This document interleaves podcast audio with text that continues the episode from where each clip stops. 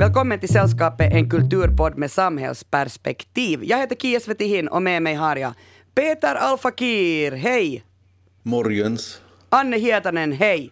Morgens. Hur står det till med er idag? Där går det. Nej men säg nu hur det är egentligen. Nå, inte det är nu något vidare. Så Nej, jag håller med efter. dig, det är inget vidare. Nej, det är inget Vi- vidare. Vi, väntar på, vi, vi väntar på solen och på liksom sommaren. Och Kia, hur är det med dig? Aj, för, mig går det nog jättebra. Går det? Ja. Vad går bra? Allt går bra, livet. Hur kan jag, det gå Jag bra? kan inte sitta här och vara så här att, att, att allt är hemskt, utan det är nog så bra nu. Aj, aj vad jag är nöjd. Eh, jag vill gärna veta Peter vad du har tänkt prata om idag. Jag ska prata om suget efter maskulinitet och en ny manlighet i skuggan av kriget. Men är den nya mannen verkligen den vi vill han ska vara? Aj vad bra. Mycket spännande. Det är tur att du har mig och Anne här att bedöma. Eller hur? Anne, vad ska du prata om? Jag ska prata om den nyaste retrotrenden av alla, nämligen nostalgi. Nostalgi är det som räddar människan just nu så att vi alls kan överleva. Och jag ska prata om att romcom-filmen har gjort comeback, romantiska komedin alltså. Men i den moderna, så att säga, nya romcomen så är spelets regler uppdaterade. Det vill säga, jag tror att det är mer ärlighet, intelligens och mångfald. Man kan ju alltså också undra att det här nu bara önsketänkande från min sida. Det handlar alltså om en rätt bespottad genre som var väldigt stark under 90-talet, sen förkastades den. Men ja, jag tycker nog att det ser ut som att den är på väg tillbaka. På något sätt så har kriget i Ukraina fått vårt mansideal att genomgå en omvärdering. Eh, framförallt tycker jag att vissa klassiska manliga stereotyper har fått ett romantiskt skimmer över sig. Jag tänker inte minst på den här tysta, starka mannen som utsätts för prövningar men som genom hårt arbete, mod och uppoffring framhärdar och vinner. Det låter som du skulle prata om en finsk man. Eller hur? Eller hur? Men kan man säga att det, det, kanske, det kanske är den finske tysta mannen då som, som har fått en revival. Och rapportering från kriget är ju fylld av den. Mm. och man ser dem i ukrainska arméns bleka uniformer de, eh, och de börjar bära på vapen och folk liksom lockas på något sätt. Eh, lockas in i hela den här vurmen eh, och då strömmar till från hela världen för att då, eh, anmäla sig som frivilliga soldater. Och ibland undrar jag då om de reser dit för att strida Eh, för att då frigöra det ukrainska folket från en fascistisk diktatur eller om de gör det för sin egen skull, att, för att hitta och leva upp då till sina egna föreställningar av ett mansideal. Ehm, för det är oftast är det en viss typ av män som dras till den här typen av krigsplatser. Även om kanske Ukraina då eh, är lite annorlunda eftersom det är mitt i Europa. Och invasionen av Ukraina handlar inte bara om Ryssland mot Ukraina utan det är ett väst mot ett öst, demokrati mot diktatur. Och så är det också då två helt olika mansideal som står mot varandra. På ena sidan står Vladimir Putin som är den, då, den starka ihopbitne mannen. Djupt religiös, konservativa, som vill utstråla styrka. Han fiskar, han jagar, han rider på hästar utan t-shirt, han tränar judo, han åker stridsflygplan. Han har en kvinna någonstans i bakgrunden, eller han hade innan han då skilde sig. Eh, och när han försöker vara lite personlig och rolig på presskonferenser så drar han snuskiga vitsar. Det gjorde han ju mitt under brinnande kriget om någon cockpit och någon joystick. Eh, och på andra sidan då står Zelensky som faktiskt är komiker och som har en helt annan bredd och egentligen en slags självsäkerhet i sin egen mans ideal. Har ni sett förresten klippet när han dansar i raffset och högklackat till Beyoncé? Nej, det, jag, jag antar att det här är inte när han är med i Dancing with the stars. Han vann ju Dancing with the stars 2006, men det är inte... Nej, det har jag inte sett. Nej, det, här, är- det här är då från den här tiden när han gjorde den här ukrainska versionen på Saturday Night Live. Aha, nej, jag har Så inte... det, det, måste ha varit, det måste ha varit någon, någon, bara något, någon sketch, men han, han dansade. Han gör det ganska bra också. Men att ni lär ju aldrig någonsin få se Putin dansa i, i raffset och högklackat till Beyoncé, eller vad tror ni? Nej, jag hoppas att vi inte får se det. Däremot finns det ju ett, ett, ett klipp från då, 2010 där, eh, på Youtube där han sjunger Somewhere over the rainbow. Nej, vilken sjunger han? Jo, sjung- åh, jag har sett den. Och Och det det är med att, Sh- Sharon Stone och Gerard Depardieu och allihopa står, står upp och applåderar. Och, det är, och, och det, är något, det är fruktansvärt. Det är ett av världshistoriens mest cringe ögonblick. Alltså verkligen, och jag fick alltså jätteobehag faktiskt av det där klippet. Om man vill bli skrämd, om, om ni vill känna er uppskrämda så titta på det. Men eh, har ni hört också att det, att det råder då fullständig mobilisering i Ukraina? Och det betyder att inga män mellan 18 och 60 får lämna landet. Och då undrar man vad som händer med kvinnorna. De sätts på tåg eh, tillsammans med barn och gamla till Polen. Och det, det där har jag fått mig att tänka lite, för jag har inte hört någon tjejkompis klaga över det här. Eh, om ni förstår vad jag menar. Att, att männen, männen ska ut i kriget och dö och, och, kvinnorna ska sättas i säkerhet. Och det enda som jag hittat var kritiskt då, det var en krönika i en feministisk tidning. Och då, skribenten beklagar sig då att, att kriget förstärkte destruktiva patriarkala mönster och att kvinnorna eh, återigen anses som mindre kapabla. Um, om jag tolkar det rätt så tyckte hon väl också att kvinnorna skulle då skickas ut i krig. Um, men det här kanske är en förenklad bild på något sätt. Men vad händer då med jämställdheten mellan könen? Är det så att feminismen bara funkar i fredstid? Men när det blir krig så är det männen som ska skickas till fronten för att dö och kvinnorna sätts på tågen ut i landet. Vad tänker ni själva om det skulle bli krig i, i Finland? Alltså, har Eller har, ni klag, har ni klagat över den här ojämställdheten eh, som är just nu i Ukraina? Nej, jag har kanske inte tänkt så mycket på det. Det jag har tänkt på däremot, vi har ju alltså allmän värnplikt eh, i, i Finland. Och, och, det där, eh, jag har tänkt mycket på att det är konstigt att inte den allmänna värn, värnplikten är, gäller båda könen. Eller vi ska säga alla mm. kön som finns. Alltså, jag tycker att det är märkligt att vi har en värnplikt som bara gäller män. Ja, men jag, tror att, jag tror att det är bara en tidsfråga när vi får en könsneutral värnplikt i Sverige. Och jag säger inte, att, jag säger inte att, att det är så att kvinnor inte kan strida. Jag tycker att eh, några av de tuffaste förbanden som jag känner till är de här kurdiska kvinnliga peshmerga-krigarna. Och de här jesidiska kvinnorna som liksom eh, fightades mot IS. Eh, stenhårda alltså, eh, på många sätt. Eh, och samtidigt så är det här otroligt komplext. Och, å ena sidan så, så längtar vi efter en nyanserad manlighet då, som Zelensky som kan dansa i högklackat. Men samtidigt så finns det då en dragning åt alla dessa tysta män som gör sin plikt för fosterlandet och krigar. Ehm, men kanske finns det något sätt att göra att, att få ihop de här båda två på en och samma gång. Men det finns ju flera fler typer av män som har varit, som man liksom har stötts och blötts i, i media och på och diskussioner.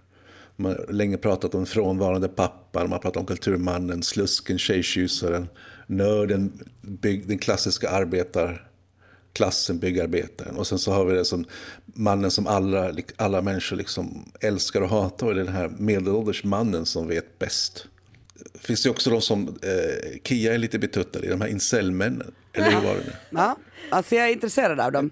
Och incelkvinnan i alla fall. Alltså jag är intresserad av båda könen. Incel, incel, både femcel och incel. Det är inte bara jag som håller på och, och, och tänker på de här ämnena. Av en slump så upptäckte jag i morse att debattörerna och skribenterna Anna Heberlein och Anna-Karin Windhamn precis har skrivit en krönika om manlighet i, i Expressen. Och de skriver att män idag tvingas utveckla en sorts självförakt för att kunna överleva i en feministisk dominerande kultur. Och så citerar då den feministiska och lesbiska professorn Camille Paglia som redan för tio år sedan då slog fast att vi lever i en maskulinitetskollaps. Det är inte ett helt ord, lätt ord att säga i radio.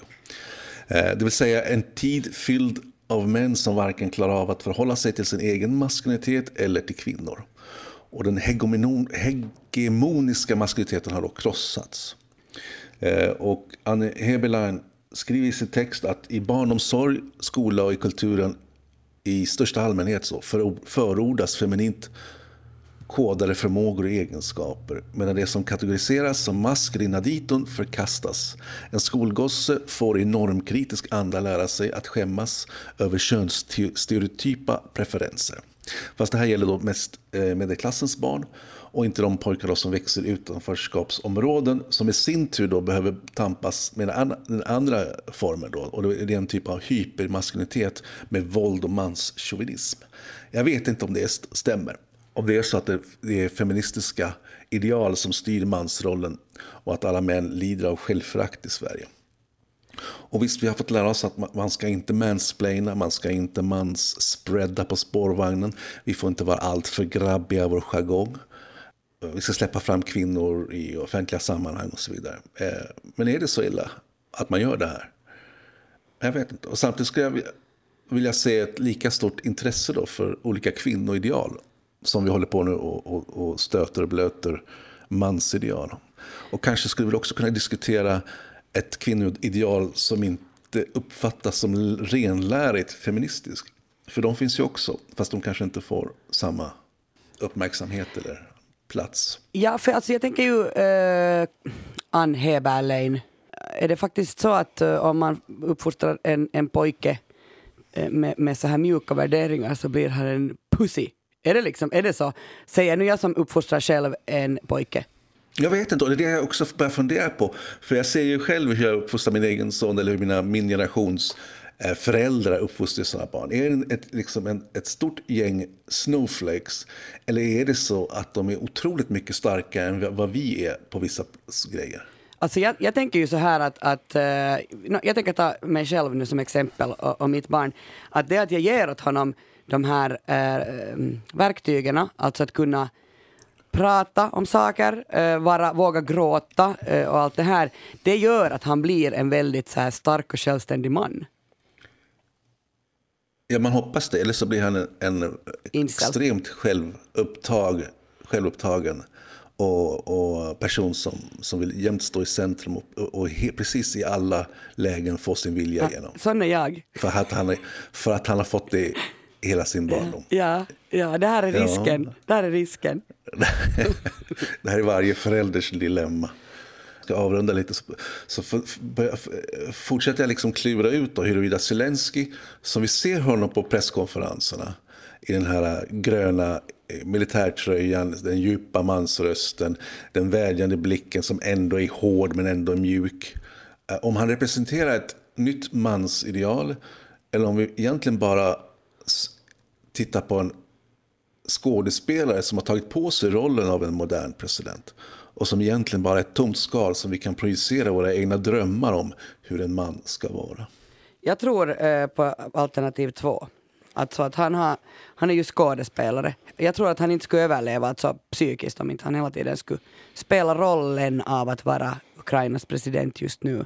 Och han gör det ju jättebra. Ja, men då har vi också det här Judith Butler, det, performativa könet. Det är kanske en performance helt enkelt vi ser. Det är en föreställning av hur man ska vara som president och man. Och som också väcker känslor hos folk och, och väcker en vilja att, att eh, kämpa och hjälpa till. Men vad tänker ni när ni hör ordet machoman? Va, va, vad betyder det för er? Jag, tänker, jag personligen tänker direkt på, på uh, Village People. Ja. För de har gjort världens bästa låt som heter Macho, Macho Man. Och där har du ju allt mer. Det, det, de, redan då så har de ju liksom skämtat om hur det är att vara macho som, som homosexuell. Och de, de, de spelar ju också med den mansrollen. Men, men jag vet ju också att det finns ett, ett enormt problem i till exempel Latinamerika med den här macho, machokulturen. Jag skulle faktiskt säga, ja, jag tänker på mexikanska män när jag hör macho. Eh, det är för att jag, jag på något sätt, jag bodde i Mexiko kanske när jag bekantade mig med begreppet machismo. Och det där, det var så påtagligt där. Men att det är ju ett problem också, det ser man ju på Latinamerika idag. Jag tänker att Men vad säger ni då? Är, är, är finska män eller finländska män är de macho? Ja, ja, absolut. Men jag ser det här ordet macho också som en äh, karikatyr. Samma som bimbo. Och, och att det är karikatyrer och det är draget till sin spets. Och sen den dåliga grejen här är att jag tror att när det är krig, när människan känner att hon är nära, han är nära att dö, så då, kommer de här, då vill man fortplanta sig och då blir idealet eh, bimbo och macho. Att man blir liksom väldigt sådär poängterade sexuella. Och att det är de, de sakerna som kommer fram nu. Vi är väl alla då ganska överens om att det är svåra tider just nu. Det kan vara kollektivt. Vi har haft en pandemi, vi har krig här riktigt nära. Eller så har ju människan det också ganska svårt ibland, alltid personligt.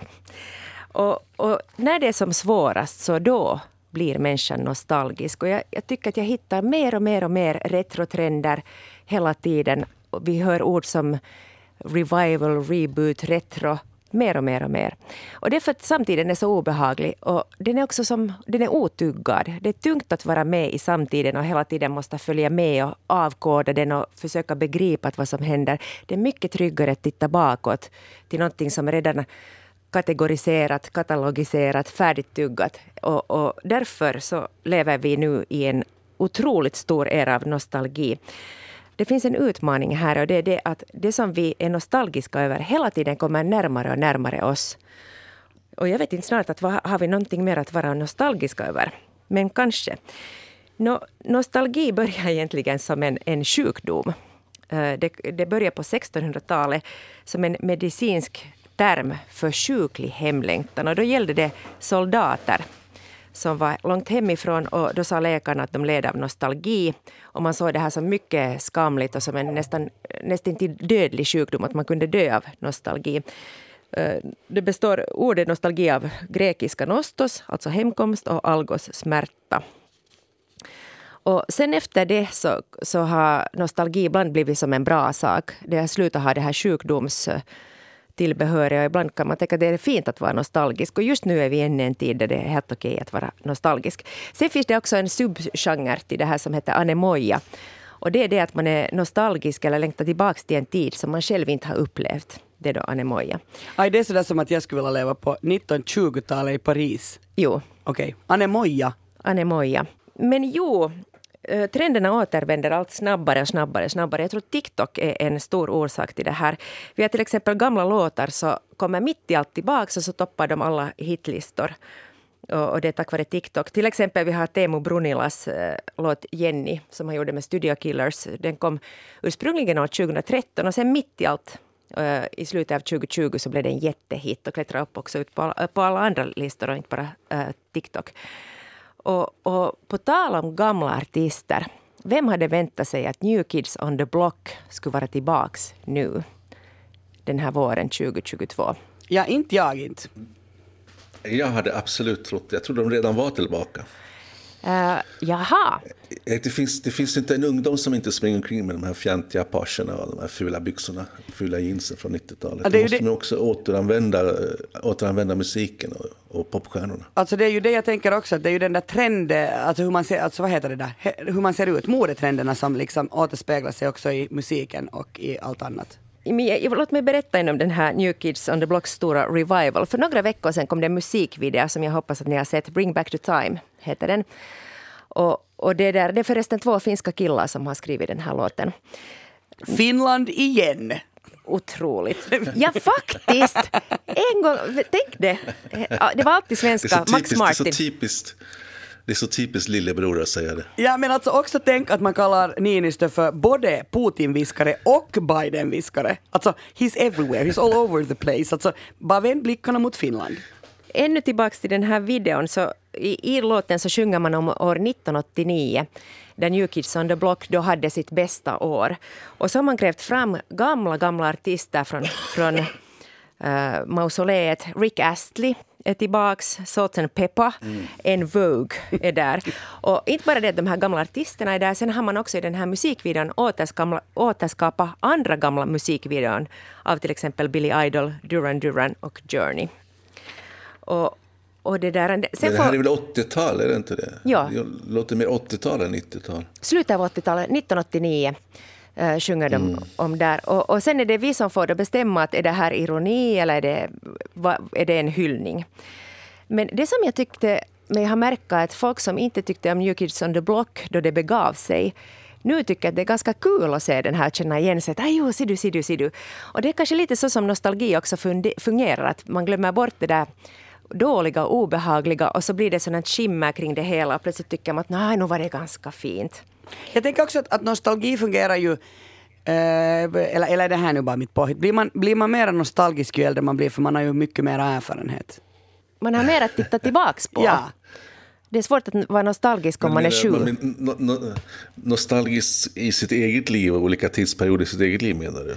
Ja, också det. Alltså, jag tänker att nej, äh, om jag tänker på 90-talet så är det liksom kanske det är, det är en, en svår tid i mitt liv, för det var då jag var tonåring. Men, men jag kan också helt säga att jag, har, jag hade faktiskt inga problem under min tonårings, eh, tonåriga KIA-perioden.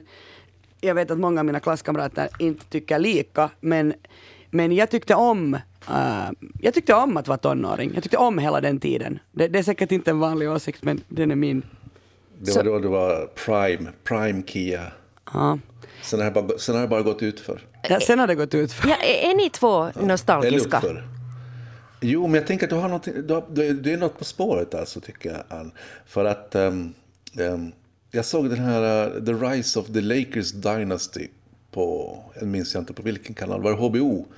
Som är just bara en total nostalgitårta. Det handlade om Lakers, alltså basketlaget Lakers. Och hur de eh, om, liksom, omförvandlade hela idén om, om basket som en show. Uh, känner ni till den? Med, här- vad heter han? O'Reilly. Eh, Nej. John C. John C. Reilly är huvudpersonen. Och den är till och med, den är till med filmat, allting är liksom stämmer, kläderna, musiken, alltihopa. Men dessutom så har de då gjort sig, bemödat sig om att filma den så det ser ut som att titta på en, en eh, 90-talsvideo. Den har liksom den filtret. Jag vet inte om de använder riktiga 90-tals, så det är helt blekt och lite suddigt liksom. Total nostalgi. Oj, vad intressant. Men är det också då tempo, så där långsamt som det var på Det är 90-talet? lite, ja, det är, tempot är långsamt för att det verkar vara en lågbudgetgrej. Men, men, eh, Ja. men vad heter det som är det som är det lustiga just att de väljer att, att, att man ska se den också på det här fula, bleka videosättet. Nu är det ju så att allt går i cykler, alltså historien. Men, men vi tar det nu det till mode för att det är kanske lättast att prata om. Vad, vad, vad det där händer i modebranschen, vad är pop nu? Nå, tidigare var det ju så att vi återanvände mode ungefär kanske med 30 års mellanrum. Och att 1950-talet blev populärt på 1980-talet. Sen blev 1980-talet igen populär i början av 2000-talet. Men nu kommer det mycket, mycket snabbare än tidigare. Eh, till exempel, visste ni det här? I fjol, vem var den mest googlade modeikonen? Jo, Adam Sandler. Om ni kollar på hashtaggen Sandlercore på TikTok så, så ser ni eh, bilder av Adam Sandler eh, från 2008. Och det är, är det här ironi eller hyllning? Jag vet inte. Men man, man ska alltså klä sig som Adam Sandler 2008 och det är likadant som han klär sig också nu 2022. Alltså i för stora shorts och för stor t-skjorta och en baseballkeps. Kan det ha något att göra med att, ehm, att eh, det kom en sån här film som hette Uncut Gems för några år sedan där han gjorde sitt livs roll, den här Adam Sandler. Alltså att man då fick upp ögonen för honom och sen blev han kvar som någon sån här, sån här farbror. Jag vet inte och sen vet jag faktiskt inte. Det, må, det måste ju vara ironi. Ja, no, men så här va, eh, Petra Laitis som brukar podda med, med mig eh, också, så hon älskar att se på Friends. Hon är alltså 25 eller 26, så hon är ganska i den åldern. Och, det där, och när jag frågar varför hon tycker om det så sa hon att för det är trygghet. Och då tänker jag att är det inte det här handlar om med Adam Sandler och, och de här komedierna han gjorde på, på 10-talet eller när var det? Eller var det kanske 00-talet? Uh, eh, att det är en trygghet för de här, um, de här yngre. Så därför har den börjat trenda igen. Men också har jag hört det att, att, liksom att när man tittar på Friends, eller kanske den Adam Sandler-komedi, så är det för att ens föräldrar tyckte om dem. Ens föräldrar har vuxit upp med det. Uh, och idag är det liksom att man tittar med sina, för, det, det är serier och filmer man kan se tillsammans. Jag tror helt säkert att det... Jag, jag måste säga att jag är själv noll nostalgisk överhuvudtaget. Men i tider då jag mår riktigt, riktigt dåligt så tittar jag på Frasier på nytt. Och annars skulle jag aldrig återtitta något som jag sett för att det... Ja, man har ju sett det redan. Men det ger trygghet att se de där gamla serierna som man vet att här är inte något farligt, det här har jag redan sett. På tal om det så Frasier ska ju komma på nytt. Med Kelsey Grammer och... No, pappan finns inte mera och jag hoppas att hunden inte heller är samma. Nej, att det är, en, en, alltså att det är inte samma hund utan en ny hund då, eller menar du att det inte ska vara hund med alls? Nej, då får det vara hund med. Jag vet inte vad jag menar. Jag menar att den där hunden skulle säkert vara 40 år. Han, han det där, ja det kom, alltså när kommer den, det är ju alltså en, det är ju inte som att de återväcker gamla uh, Frasers, uh, till, alltså Frasier till liv utan det är en nyinspelning av, en, vad heter det, en, en reunion ska jag väl säga. Spin-off. Nej, Det är en det är väl reunion inte en samma- spin-off, utan det är ju samma liksom grej, men, men han spelar väl då äldre. Jag, jag har förstått det. Att, att Frasier och Niles och alla är med i samma roller. Att, att de har bara blivit lite äldre, eller mycket äldre. Um, no, jo, men vidare till... Men jag, jag, jag tycker, för jag bara, ja. Säg! Jag bara tänker på det du sa att, att unga människor idag tittar på, på Friends och på Frasier som en, som en sätt att känna trygghet. För, för vad är det som är tryggheten? Vad är det som är nostalgin i det här fallet? Varför känner man sig trygg när man tittar på Friends egentligen?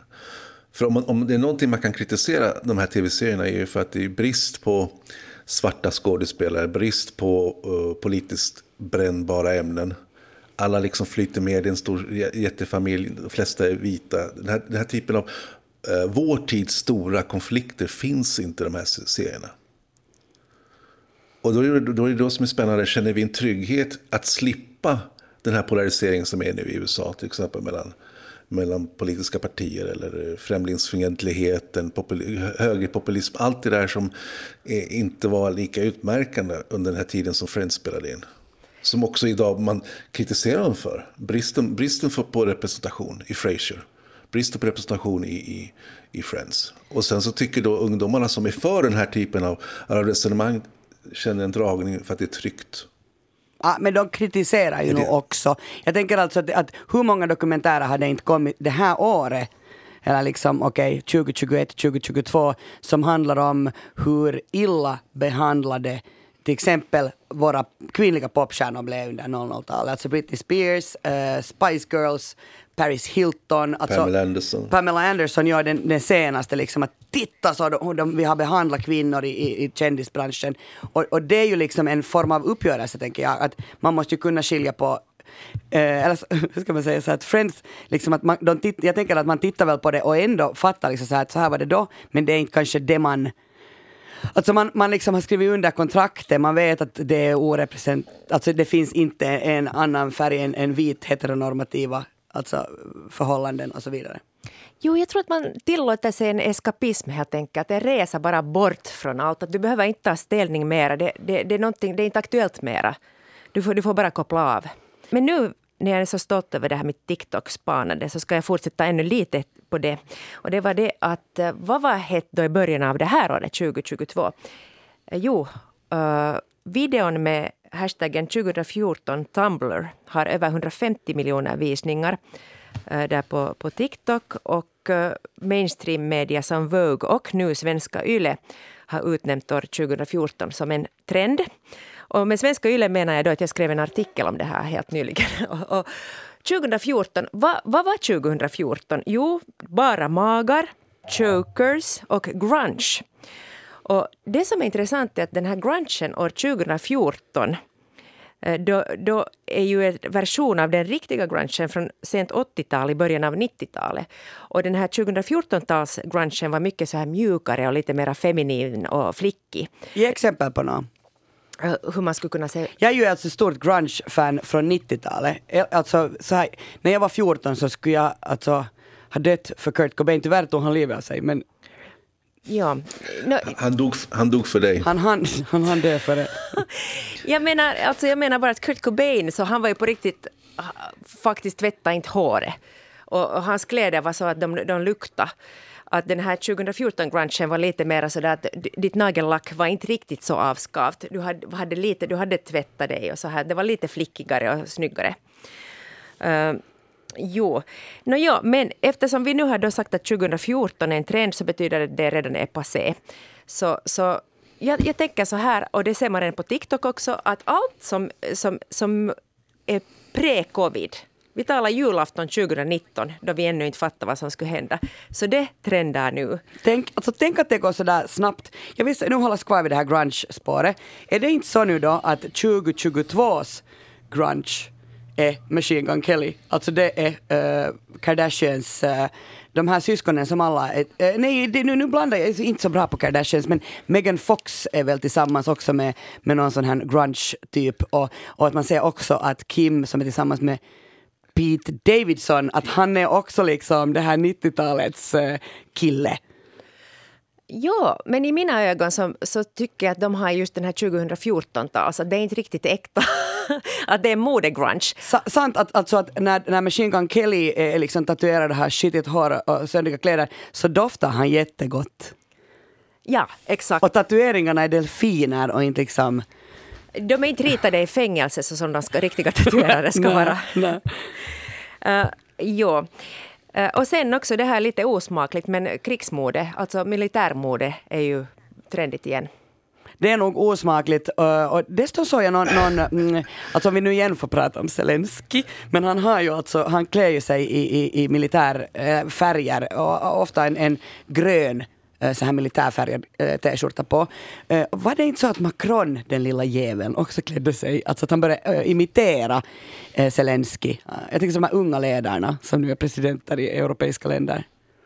Ja, Macron brukar väl ta efter vad som helst som, som han känner är, är på gång. Ja, Tänk Macron är nu på TikTok. Han är på TikTok nu och scrollar som bara den. han är bara så Adam Sandler, är det så jag ska se ut imorgon? Ja. Ska jag ha en liten Nej, det var? Pete, Pete Davidson. Ja. Pete Ja. Davidson. No, men hörni, jag, jag tänker ändå sådär att snart har vi nu exploaterat alla tidigare tider allt för många gånger om att nu måste vi titta längre tillbaks i tiden. Och då tänker jag just att det är det här anemoja som är det enda vi har. Att vi kan drömma oss bara till sånt som inte vi själva har varit med om. Och faktiskt på TikTok så finns det redan en sån här trend där man äh, gillar Han-dynastin. Han-dynastin har inte varit hett på länge kanske. Det pågick 20, 200 eh, år före Kristus till 200 år efter Kristus ungefär. Och det har nu blivit trendigt, trendigt att klä sig i Han-dynastins kläder, eller ska vi säga kåpor och kimonon. Och sen så filma och fota sig medan man skejtar. Nå, det här kan vi tre kanske inte just göra nu för att det blir lite kulturell appropriering och annars också konstigt. Men om vi skulle tillsammans hitta något nytt för oss, så vad tror ni om sån här neandertal retro? Skulle det kunna vara någonting? Alltså att man skulle klä sig i sådana filtar och plädar, vad heter det? Man, Tygstycken. jag vet inte, man slaktar sin katt och drar den över huvudet. men, men vet du vad? Vet du Jag, vad? jag, ty- jag, tyck, ja. Att det här Jag tycker det här modet Ja. har ju redan varit, alltså det där mancave-modet. Ja. Mancave-modet var, var, är det inte typ eh, fem år sedan, när alla män mitt i allt skulle ha någon sån här egen grotta och de skulle alltid att få ut och länka där det var minusgrader i bara kalsare och typ barfota och så skulle de bara äta kött. Det är sån George P.B. Peterson, vad heter det, säkert råd här nu, men, men är det inte så att det redan har varit? Det är sant. Du har helt rätt. Vi måste få längre Ännu bort. längre Vad bort. tror ni om istiden? Det är ju brist på is här snart. men hur ska man återuppleva det då? Alla dör. Det är bara att ta, bara ta Ötzis garderob. I år har det kommit åtminstone redan två romantiska komedier som i min sommarbubbla har blivit väldigt omtalade. Den första är Marry Me. Eh, den kom lagom till vändagen i år, där en okänd popsångerska Jennifer Lopez eh, efter eh, diverse förvecklingar så gifter hon sig med en helt okänd man i publiken och sen efterhand blir hon också kär i honom. Mannen i publiken spelas av Owen Wilson. Låter det här konceptet enligt er lite krystat? Ja, ni behöver inte svara ens, jag kan svara att, att det gör det ju. Men det har ingen skillnad. Eh, det här är alltså eh, ett av många exempel på den senaste tidens försök att tillfredsställa en allt större tröst efter en allt större törst efter romantiska komedier. Och Anna, jag tänker att här går jag väl lite in till och med på nu ditt ämne, alltså det är ju nostalgi vi är ute efter. Aj, aj vad vi är nostalgiska nu. Eh, min, den andra filmen som har det där uh, sk- skramla i, i, min, i mitt sociala flöde, det är den otroligt hyllade filmen Världens värsta människa. av norska regissören Joakim Trier. Har ni sett eh, någon av de här filmerna? Nej. Världens värsta människa, jo. Den är Oscars-nominerad nu. Vi får se två kategorier. Bästa manus, bästa utländska film, ja. Uh, ja, det, det är ganska, den är alltså väldigt hyllad också, alltså väldigt hypad. Uh, den här huvudrollsinnehavaren, Renete Reinsve, hon vann också bästa kvinnliga huvudroll i Cannes i sommar och det är ju liksom inte något litet pris det. Uh, Världens värsta människa fick sin Finlandspremiär förra veckan i Finland och ja, gå nu och se den. Eller ja, lyssna på mig först och sen kan ni fundera om ni vill gå och se på den. Uh, det vill jag obs säga här att jag kommer inte att spoila någonting, alltså jag kommer inte prata om handlingen. Eh, uh, mer än så här mycket kan jag säga. Handlingen är otroligt i i den här, i den här världens värsta människa eh, är ungefär så här att eh, man är, befinner sig i snygg-Oslo ehm, och, och med deras snygga invånarna som bor där och där kämpar tre stycken personer handlar det om. Så de kämpar med att förstå sina livsval i en sån här, ska jag säga, sen kapitalistisk era. då frågar jag istället så här av er. Vad tycker ni om romantiska komedier? Peter, vad tycker du? Jag får hela tiden smäll på fingrarna för att jag alltid tittar på romantiska komedier. Och chick flicks. Chick flicks. Nej.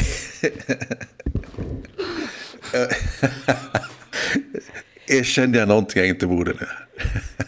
Jag vet inte, men det var hemskt sött. Alltså det var så skönt att du inte var sådär att ja, fy fan, jag hatar romantiska komedier.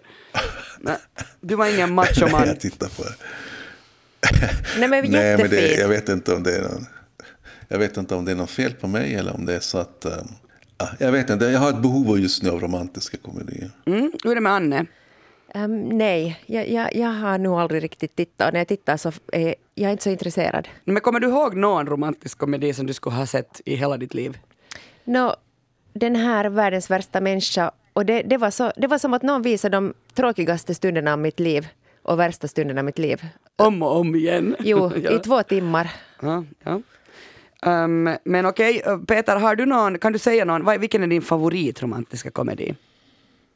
Oj, eh, det vet jag däremot inte om jag har någon favorit på det sättet. Jag säger så här- Jo, eh, ja, Jag säger så här. When Harry Met Sally, Pretty Woman, Knocked Up. Alltså, ni hör ju att jag är alltså uppfostrad med romantiska komedier på, på så här 80-90-talet. 90-talet. Bara för att kolla, är det här alltså den genren där man alltid i slutscenen springer på flygfältet? Bland annat, man springer på olika ställen. Ehm, nu tycker jag att vi tar det från början. Nämligen, varifrån kommer genren romantisk komedi? Och romkommen, som jag kommer att kalla den, äh, har historiska anor som går faktiskt alltså jättelångt tillbaka i tiden. Äh, det är svårt att avgöra vilken film som är den första i genren, men det finns romcom-element i filmer från tidiga stumfilmseran, alltså vi pratar om slutet av 1800-talet, början av 1900-talet. Eh, de här romcom-elementen användes till stor del som en orsak att använda närbilder av den kvinnliga kroppen. Att, att liksom en man såg en kvinna på långt håll och sen ser man en närbild av hennes vrist, ansikte eller något liknande. Eh, känner ni till screwball-komedier? Vet ni vad en screwball-komedi är? Ja. Jag har tittat mycket på sådana. Åh, oj, Peter, tack. Det här är så bra. Ehm, det är ju liksom... ehm, det är en närbesläktad genre. Eh, och, och, och screwball-komedin hade sin storhetstid på 30-talet. Och nu får du ju rätta mig om, om jag säger någonting som inte är sant. Men alltså visst är det ju kändast kanske av, av Catherine Hepburn. Filmer som Det hände en Jo. natt, Ingen fara på taket. Precis, det, det är ofta Cary Grant, eh, Racing Baby, vad de nu heter. Är det inte? Men jag, jag tänker, Screwball, är, jag visste ju som en, en fortsättning på, på Bröderna Marx, men det är ju, jag ser det mer som 40-tal, men jag kanske har fel. Ja, no, alltså det, kan, det hände en natt är från 34, Ingen fara på taket från 1938. Eh, så det, jag tänker att, att det är nu den, den per- tidsperioden helt enkelt. Men i de här filmerna så var det starka kvinnliga karaktärer som drev handlingen framåt. Och det fanns ofta inslag av fysisk humor, alltså vi pratar om slapstick. Jag läste en intervju sen på SVT med Anna Backman Rogers, hon är universitetslektor i filmvetenskap vid Göteborgs universitet. Hon menar att det här är liksom en genre där sexuella normer, tankar om kön och då alltså äktenskap diskuteras med humor. Alltså eh, precis som med andra filmgenrer så använder man den här screwball-komedin för att befästa vissa normer och värderingar i samhället. Uh, utifrån då screwball-komedin utvecklades då det som vi har idag och som eh, vi kallar för romcom, där den fysiska humorn har tonats ner och den manliga karaktären har fått mera makt. Och ni vet så här eh, ord som ödet och den enda rätta, det är extremt starkt i den romantiska komedin. Den befäster en heteronormativitet, alltså jag snackar om kärnfamilj. Eh, det är ett äktenskap som ska ske, äktenskapet ska ske mellan en man och en kvinna. Här finns alltså en diskrepans tycker jag mellan att å ena sidan romcomen är väldigt traditionell och å andra sidan screwball-komedin som är en mer utmanande version av den romantiska komedin. Och den kom ju då före. Okej, men det är sommaren 2018. Netflix-algoritmen har upptäckt ett hål som kan fyllas för att få mer tittare. Därmed går de ut och deklarerar det här ska bli kärlekssommaren. Sommaren 2018 inleder de en kampanj för att vinna tillbaka eskapisterna och de som älskar allt som är förutsägbart och det lyckades. Sen går streamingjätten ut och rapporterar 80 miljoner människor tittar på minst en av deras ursprungliga romcoms under de tre sommarmånaderna. Så nu kan vi ju säga alltså att mycket av den här nuvarande återfödseln antagligen beror på den här streamingstjänstjätten. Eh, nu får ni höra några scener här. Den världsberömda skådespelaren som spelas av Julia Roberts, är ute och shoppar i Notting Hill året 1999. Hon stöter på en charmig bokhandlare som spelas av Hugh Grant. Okej. Okay.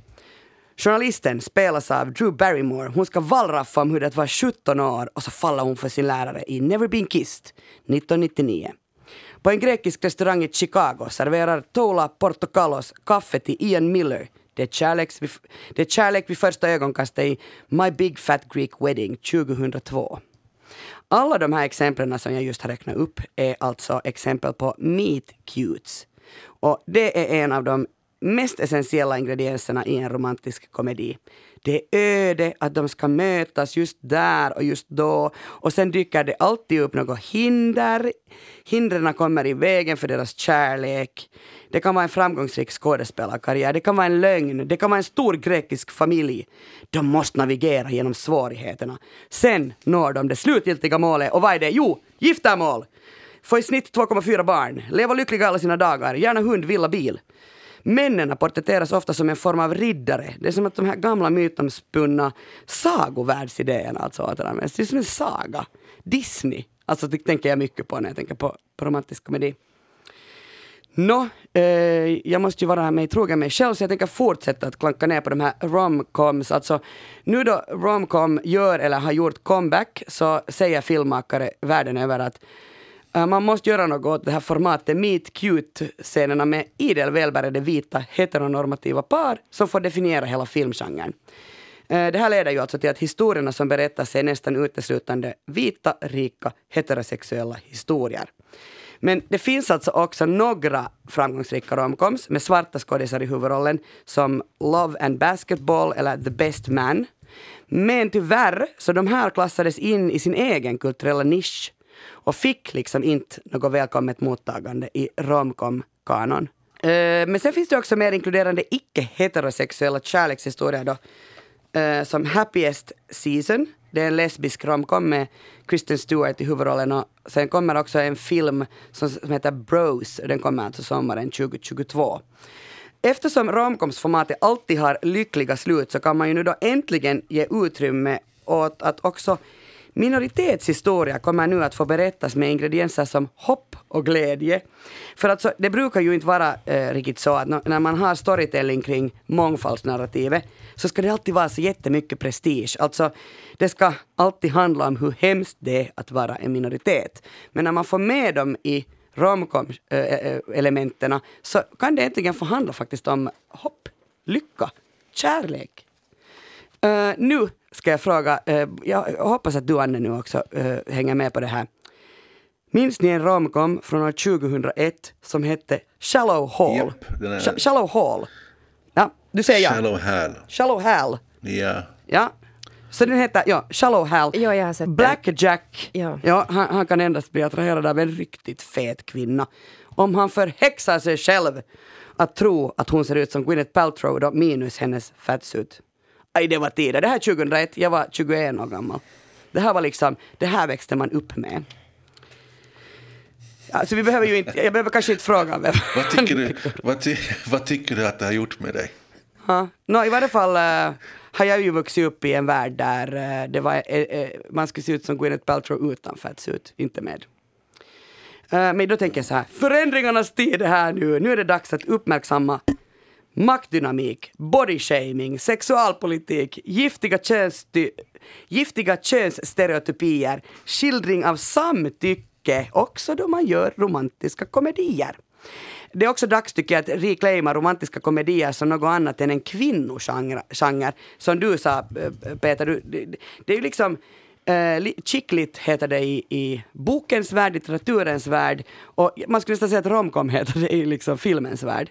Uh, för man har alltid tyckt att de här romantiska komedierna, det är något, man behöver inte riktigt ta dem på allvar. Det är liksom så trivialt. Det är lättvikt på något sätt.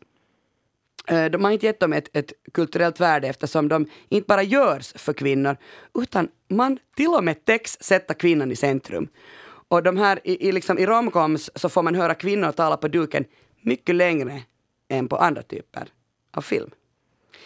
Så det problematiska kring att romcoms ger, ger en sån här väldigt falsk eh, bild av vad mänskliga relationer är eh, eh, leder också till att romcoms kan framkalla skadliga idéer om kärlek.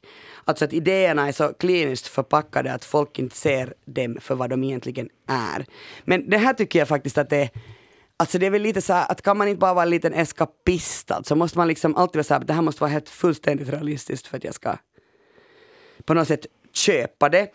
Jag tänker ju att uh, man vill ju gå och se något som är fint förpackat så att man slipper det där trassliga i kärleken som är verkligheten. Alltså man vill inte se verkligheten, man vill se fiktionen.